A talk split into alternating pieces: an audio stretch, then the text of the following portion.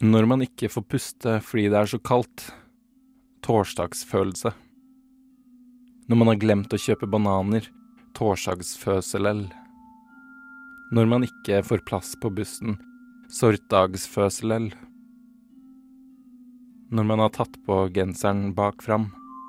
Sortsdagføselell. Når man ikke har nok penger til en øl. Sortsdalføselegg. Når man har mistet nøklene på byen. Sortalsføselegg.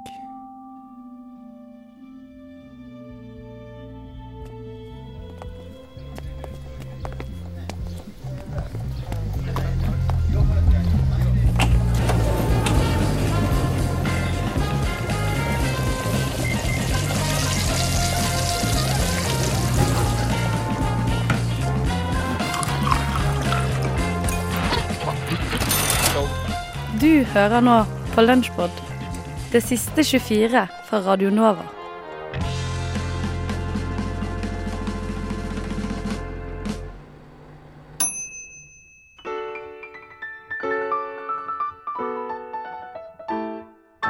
Å, jeg har nesten ikke noe kaffe igjen. Ikke noe kaffe igjen. Ja, jeg tar den nå først. Vil du ha kaffe? Nei, jeg Oi, har Oi, har du kaffe? Nei. Jeg har kaffe. Ja, men du har jo har kaffe. Jeg har kaffe, altså. Jeg klarer meg meg først.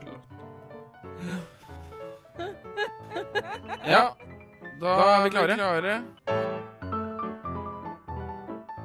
Det er jo så mange som går fra radio til TV. Og dette er kanskje beviset på at man må se seg selv i speilet, og så må man tenke jeg får ikke til alt. Jeg er god på det her. Det kan jeg fortsette med. Det var, en, det var en, et hint til Jo Nesbø. Ok.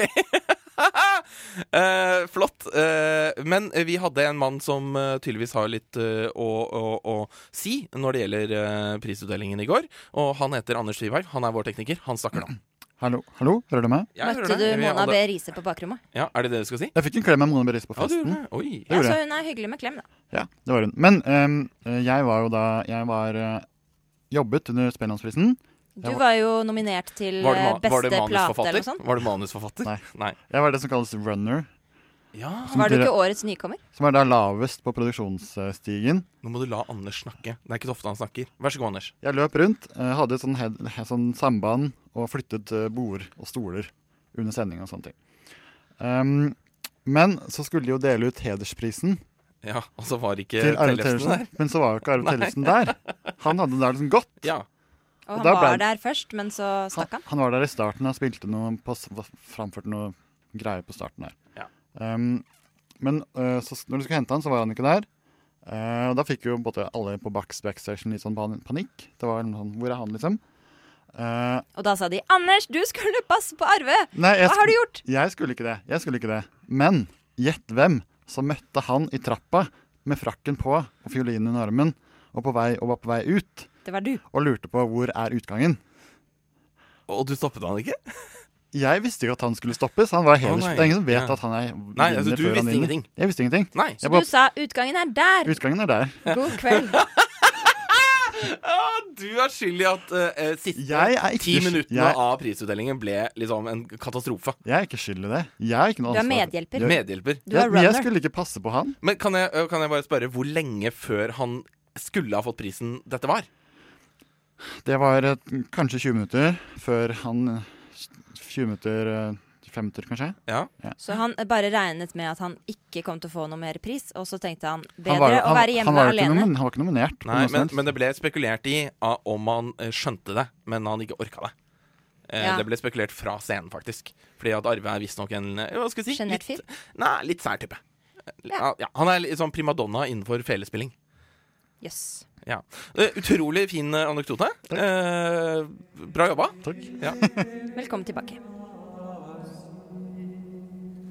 Gaudete, auditis programmam radiofoniae sorgenfri. Omnes dies solis transmittitur, ora tertia. Åh, Storstipendet er snart brukt opp, og det er hele to uker til neste stipend kommer inn på kontoen.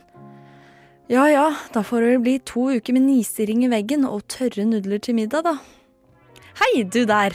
Ja, visste du at det finnes utrolig mange studentrabatter på ting du kan gjøre rundt om i byen? Nei. Jo, så stryk den der nistirringa i veggen av planen og følg med nå. Er det lenge siden du har vært på museum fordi det koster så mye penger for inngang at det er penger du rett og slett ikke kan bruke? Det er faktisk flere museumer i Oslo som tilbyr studentrabatt til nesten halve prisen av originalprisen. Dette er museumer slik som Norsk Sjøfartsmuseum, Vikingskipmuseet, Teknisk museum og Kon-Tiki-museet. Prisene de varierer fra 25 kroner og oppover. I tillegg kan det være verdt å sjekke med skolen du går på om de har noen interne rabatter på museumer rundt om i byen.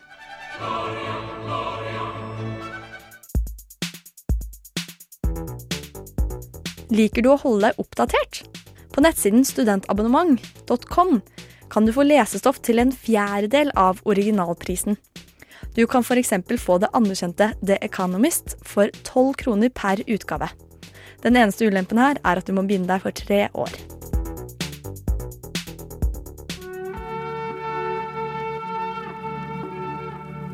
Flere av de store teatrene i Oslo tilbyr billige billetter til deg som er under 25 år.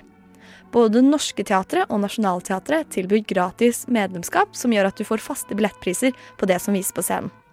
Prisene ligger på rundt en hundrelapp. Så kom deg ut og bruk de studentrabattene som finnes der ute.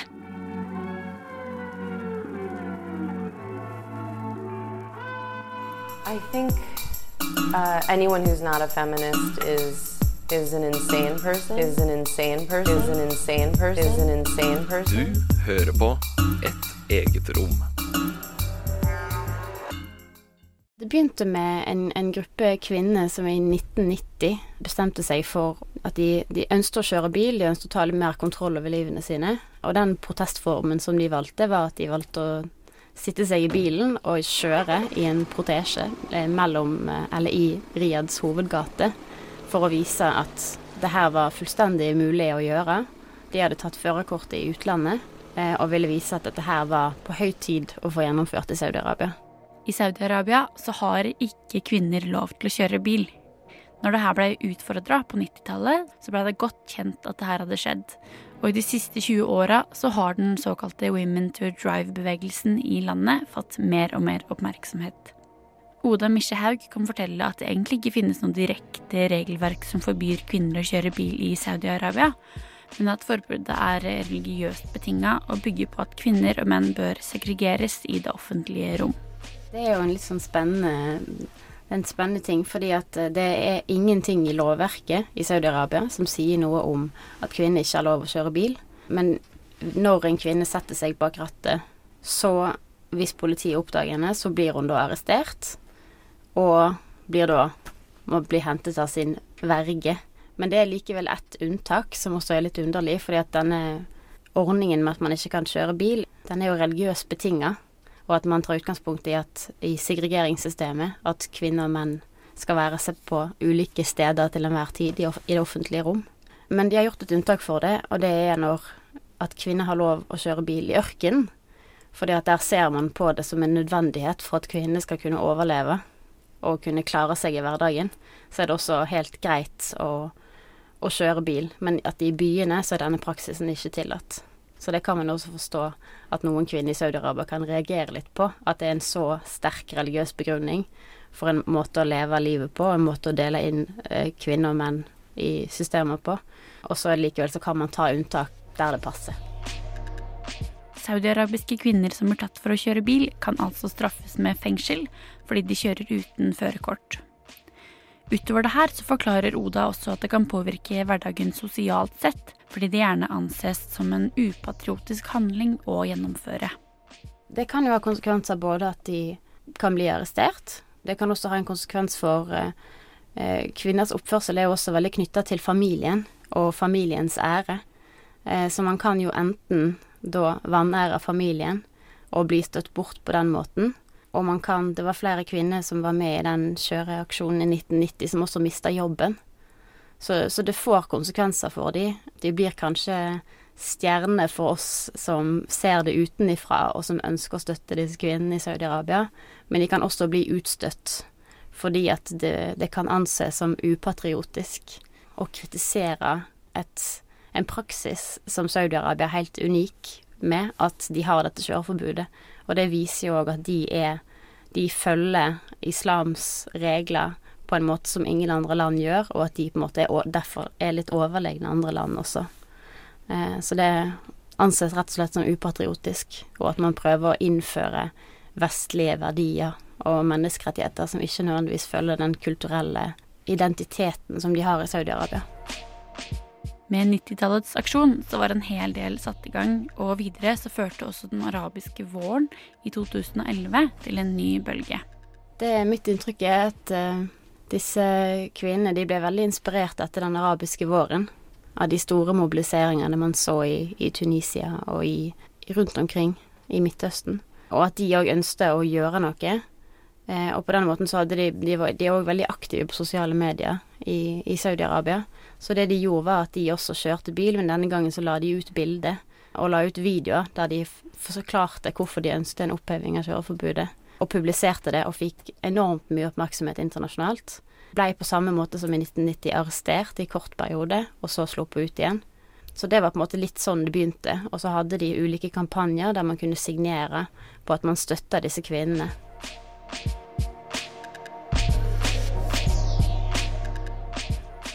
Et argument som de har brukt, er jo også at de ønsker at kvinner skal være ressurser i Saudi-Arabia.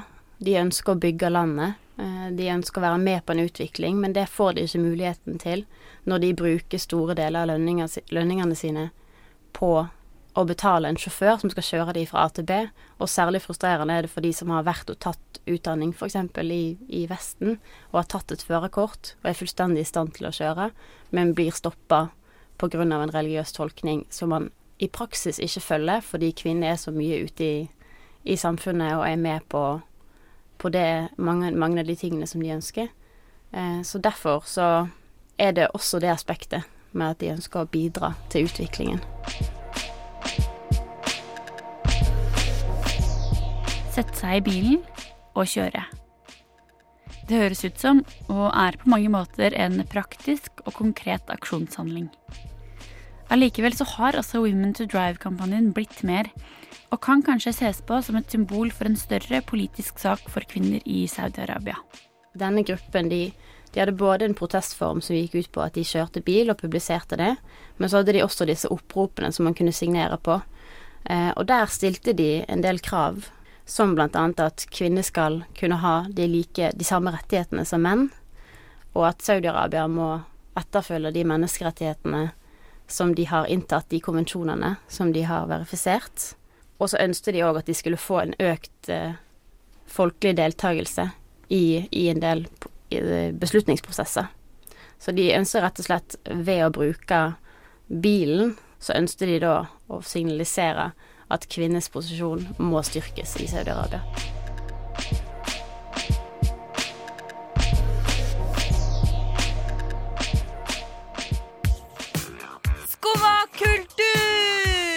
Din kulturelle tåkelur. Der hørte vi Will med 'Top of the Edge'. Og du sitter også her. Hei. Hei, hei. Er det hyggelig å høre for låta si, eller? Det er faktisk veldig stas, altså. Blir sånn ekstra glad. Den eh, låta her er da på albumet som dere slapp nå i starten av januar. 'Mechanisms of the Heart'. Det stemmer. 12. januar. Ja. Og, så, og nå har det jo gått en liten stund etterpå, da. Eller jeg har vært ute ca. to uker. Ja. Ja, blir det. Hva har dere gjort etter det, da? Uh, vi har jo eh, Vi hadde en eh, releasekonsert og spilt i Bergen og i Oslo. Um, så nå er det Nå venter vi bare på å få spille i Lillehammer og Horten, som skal skje i februar. Så det blir veldig stas. Uh, men det har jo vært Det har vært mye sånn administrativ jobbing og sitte og jobbe med sosiale medier og, og sånn. Men, eh, men egentlig så Ja. Det har ikke skjedd sånn voldsomt store ting enda. Så vi venter litt på det, da. Ja. Men for, for Lillehammer og Horten, da?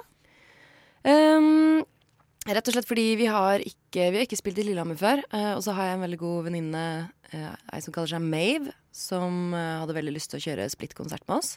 Og vi bare ja, la oss gjøre det. Det er kjempegøy. Jeg har veldig lyst til å, alltid hatt veldig lyst til å spille på Kaffe Stift, så det blir veldig gøy. Der skal vi spille 11. februar.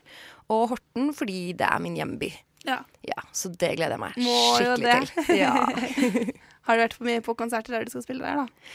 Eh, jeg har faktisk aldri vært på konsert der vi skal spille i Horten. Fordi jeg flyttet derfra for ti år siden. oh, ja. så det er ganske nytt utested. Men, eh, men jeg gleder meg. Det, blir, det, er sånn, det er litt sånn skummelt og veldig stas å få spille i hjembyen, men da blir det alltid det litt ekstra press, da. Du føler litt på det, at du må liksom OK, prestere og være litt kul og trekke litt folk og Ja, Kommer kanskje litt andre folk også, da? En litt mer familie, kanskje litt eldre aldersgruppe enn vanligvis? Eh, ja.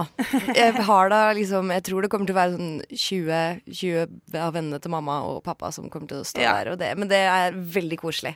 Og vi har funnet ut at eh, ja, musikken vår har liksom en målgruppe som er fra 20 til 50. Ja. det er greit å bredt spenn, det, da. Men nei, det har liksom ikke skjedd noe sånn eh, ordentlig wild på turné eller noe sånt? At dere har mista turnébussen eller et eller annet sånn? Vi er fryktelig streite folk. vi er veldig flinke til å planlegge. Uh, og vi Ja, det er en god liksom, ting, det, da. Ja. Uh, så det har ikke skjedd så veldig mye sånn voldsomt store ting. Det verste er liksom at oi, vi har glemt noen kabler, eller oi, og så skjedde noe tekniske greier, eller et eller annet sånt noe, eller at vi blir forsinket. Men, men uh, vi er flinke til å planlegge. Så de verste Det har liksom ikke skjedd sånn veldig Så det er crazy ting. tipset ditt til eh, eh, artister der ute som kanskje skal på turné? Planlegge i god tid. Disiplin. det kan være litt tøft innimellom, men ja. Samtidig så mister man jo da de skikkelig gode historiene å kunne fortelle på radioen. Da. Ikke sant? Eh, Det er akkurat det. Jeg kan jo lage en eh, skikkelig god historie, da, Jeg men eh, det er litt tidlig om morgenen, kjenner jeg. Hva jeg forteller, og så kom alle Kom hele Gullruta ned og krasja og bla, bla, bla. Ikke sant? Ja, en god historie. Men uh, dette her høres ut som at du hva, Og så etter turneen, da, når du er ferdig i februar? Nei, da må man jo begynne å tenke neste, da. Hva, hva skal man gjøre etter det? Så vi håper på at det blir en del festivalspillinger til sommeren. Um, det er jo fortsatt liksom Ja. Uh, vi har sluppet debutalbum, så det er ganske stort. Uh, så en del festivaler. Og så har vi jo da, som nevnt, uh, litt ekstra låter som vi må fortsette å jobbe med, og begynne å skrive litt nytt og sånn. Så det er ikke det siste vi har hørt fra Villen? Nei, det vil jeg ikke tro. så flott, så flott. Tusen takk for at uh, du stakk eh, innom oss her i Skum og kultur, Mathilde. Tusen hjertelig takk for at jeg fikk Så komme. har du ha en uh, veldig fin uh, mandag videre.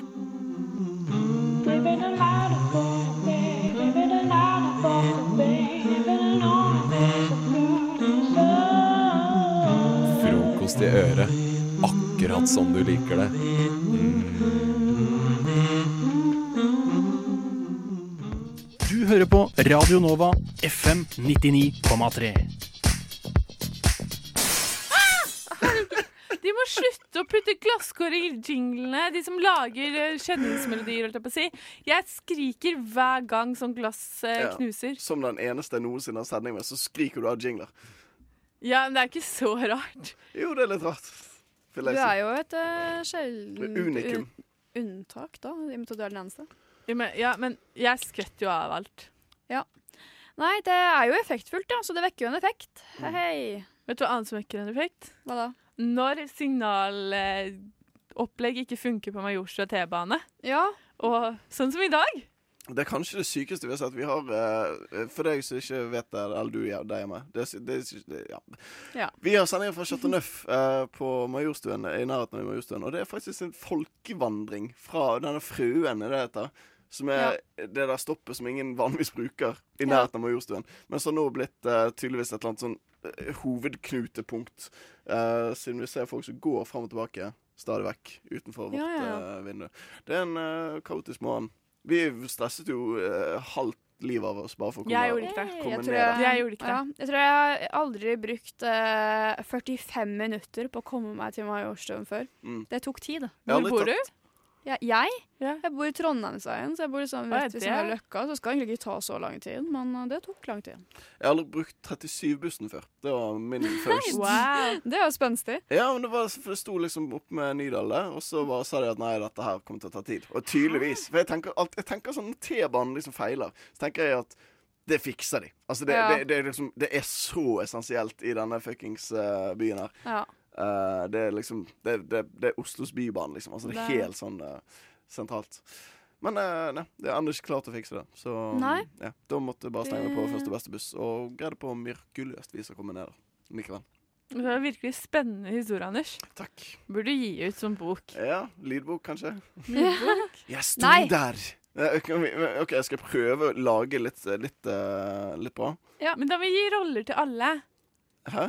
Nei, men han kan ja, han Lydbok det, er som regel én. Nei, jeg har hørt mer på lydbok enn deg. Jeg har ikke hørt noe på lydbok, så det Jeg har hørt en del på lydbok, men jeg har aldri hørt med Du flere er enn én stemme. forteller. Ja, Madeleine og jeg er to som skal ta T-banen. ja okay. Nå handler det ikke om deg lenger. Nei, nei. Det Madeleine, er, det Madeleine, skal, du er litt stressa, og jeg er sånn her rolig. Nei, dette funker. men er det min opplevelse av T-banen? Ja, men du må skrive Ja. inn via karakterene. Du, du gir oss jo handlingen fordi du er fortelleren, og så sier vi, vi bare replikkene. Så du okay. må på en måte vri om den Jeg må gjøre meg Din sjøl til to jenter. Ja. Ja, ja. Du må være så stressa, og jeg er ikke det. Du må ha splittet personlighet. OK, kjør. Det er en mørk mandagsmorgen, og Tuva og Frida skal på sending. Tuva er oppskaket. Å nei, hva skal jeg gjøre for noe nå? Frida prøver å roe henne ned. Herregud, vi rekker sending. Null stress. Tuva tråkker på et bananskall. Er det meg? Ja, det er deg. Å nei, jeg faller! Jeg tråkker på bananskall. Herregud, Tuva. Det er gratis legehjelp i Norge. Ikke, hvis du faller, så går det fint. Nei, for det er kuttet 60 årsverk, og forebyggende helse funker ikke lenger. Faen, ass! De kan ikke forebygge bananskallfall lenger. Hva skal vi gjøre? Vi må bare rekke T-banen. Rei, reis deg og løp. Jeg, jeg kan ikke ta del i denne folkevandringen lenger. Åh, T-banen funker ikke. Hjelp! Skulle ikke du være sånn eh, optimistisk? Å ja. Nei, T-banen funker i kveld! Kanskje den Eh, dårligste lydboken noensinne. Det, jeg har lyst til å kjøpe den her. Ja. La oss, Oi, eh, du har det, ja. la oss bli igjen Ja, la oss bli igjen etterpå og spille inn resten. Det var magisk, faktisk. Jackafimi Dune. Pizza. Bipso! Argabuni Datsime! Basu Bargit. Zorgen free!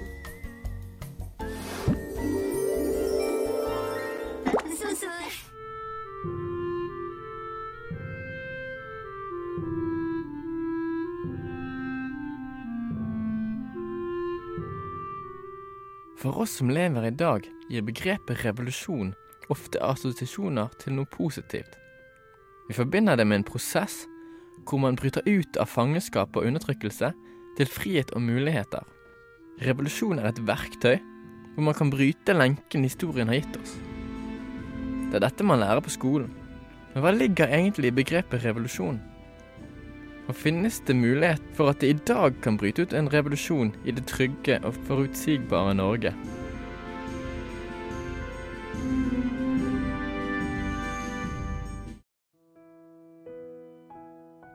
For at man kan kategorisere noe som revolusjonerende, må det oppstå en grunnleggende endring i samfunnsstrukturen over et kort tidsrom. En revolusjon kan være sosialpolitisk, eller den kan være økonomisk og teknisk. Men begrepet kan problematiseres da den opererer med upresise kriterier som grunnleggende endringer og kort tidsrom. Avgrensning kan derfor være problematisk. Den mest kjente revolusjonen som står i historiebøkene, er den franske revolusjonen. Som en prosess som startet i 1787, utviklet den seg gjennom flere sosialpolitiske endringer og kulminerte i 1789 med stormingen av Bastille. Det hele endte i 1799, da Napoleon tar makten og innfører enevelde etter en serie av mislykkede regjeringsforsøk. Men til tross for at franskmenn igjen var under en mann, befolkningens rettighet blitt betydelig forbedret. Stensamfunnet var i teorien blitt oppløst, og nasjonalforsamlingen innførte menneskerettigheter, som fastslo at alle mennesker var født frie og like. Et eksempel på økonomisk og teknisk revolusjon er den industrielle revolusjonen. Gjennom 1600- og 1700-tallet opplevde England en ekstrem revolusjonerende utvikling gjennom teknologiske nyvinninger. Dette påvirket alle samfunnsklasser, der produksjonen av marer ble automatisert. Flere mennesker kunne reise lengre og hurtigere med tog. Til forskjell fra den franske revolusjonen tok den industrielle revolusjonen lengre tid. Men siden sluttresultatet er så ekstremt annerledes enn før i industrialiseringen, kaller man det ofte en revolusjon. Men er det noen punkter i dag som kan føre til grunnleggende endringer i samfunnet her i Norge? Hvis du ville utført en endring i dagens samfunn, hvilken type endring ville du da ha gjort? Det ville vel kanskje vært eh, noe med miljøet. Det er så mye som foregår der ute, og vi eh, tar lite hensyn til det. Så jeg tror kanskje ja, miljøet. Miljøet. Er det noe spesielt du ville gjort da? Eh, redusert klimautgiftene og kanskje engasjert oss litt mer i verden. Ok, Er sånn fly og biler og sånne ting du tenker da? Den- Både det, men også sånn som vi ser i Kina og fabrikkutslipp der, og hvor mye det påvirker verden. Ja. Gjør oss mer selvbevisste i forhold til miljøet, da. Men du ville hatt en, liksom, en revolusjon i liksom, byen? Ja. Det er ingen tvil om at klimaspørsmålet er det som opptar unge menneskers oppmerksomhet i dag. For å oppnå det ideelle klimasamfunnet må vårt samfunn gjennomgå store forandringer. Spørsmålet er om dagens befolkning er klar for radikale forandringer. De siste ukas avisoppslag tyder nok mer på langt saktere og behagelig utvikling. Do you hear the people sing, singing the song of angry men? It is the music of a people not be slaves again.